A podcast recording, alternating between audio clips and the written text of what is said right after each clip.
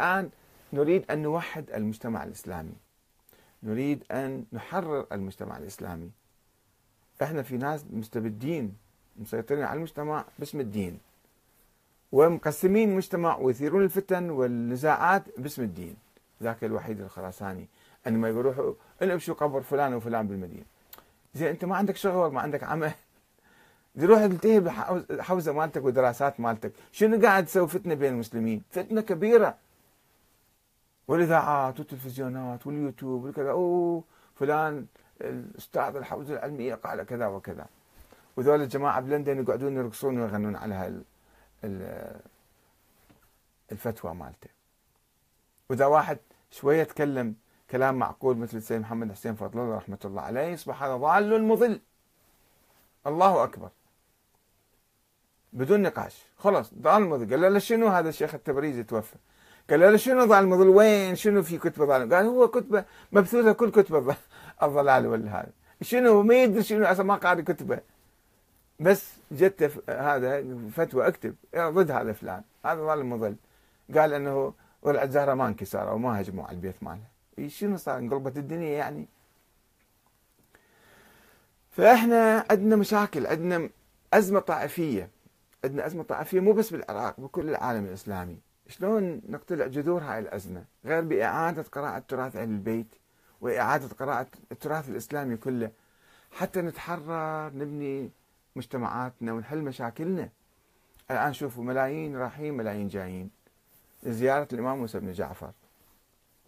طيب روحوا زوروا ما عندنا مانع. بس آه، تطلبون هو باب الحوائج حتى تطلبون مشاكلكم من عنده يحل مشاكلكم. هو ما يقدر يحل مشاكلكم. مشاكلكم لو الله يحلها لو الله مغاضب علينا ما يريد يحلها. زين الحكومة أنتم سويتوها بيديكم انتخبتوهم. روحوا طالبوا الحكومة طالبوا النواب طالبوا المسؤولين في المحافظات. تعالوا بلطونا الشوارع الصحة وفروا لنا التعليم وفروا لنا الرعاية الاجتماعية للفقراء والمساكين والارامل والأيتام. حلوا مشاكل المجتمع. لا هذه ما حد مو بحالها ما حد ما يفكر بيها. وماكو مسؤول يقول لك أنا مسؤول. لا أنا مو مسؤول. أنا سائل مو مسؤول. زين هذا شلون إحنا بعد نبني بلدنا ونتقدم فيها بدنا نروح إلى اتجاهات يعني إلى أبواب مغلقة. ما تحل مشاكلنا. أبواب وهمية. الله بابا مفتوحة أمامنا. باب السماء مفتوحة ندعو الله تعالى. والله يقول لنا روحوا اعملوا حتى نساعدكم. اعملوا هاي مثل داعش اجت يعني قاومناها مو نقول للإمام كاظم أو الإمام الفلاني تعال أنت قاتل نيابة عنا لا إحنا لزمنا سلاح وإحنا قاتلنا داعش. وإن شاء الله ننتصر عليهم نهائيا قريبا إن شاء الله. وهكذا بقية المشاكل. يجب أن نكون واقعيين نفكر في حل مشاكلنا بأنفسنا ومشاكل المستقبل أيضا نخطط لها كيف نحلها نتوقعها.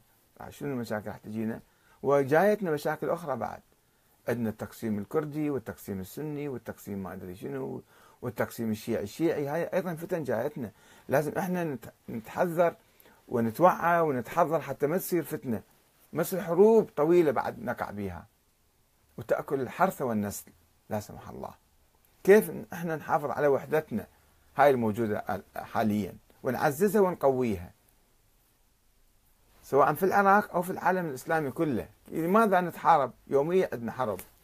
وصايرين لعبة بيد الدول الكبرى تلعب بينا.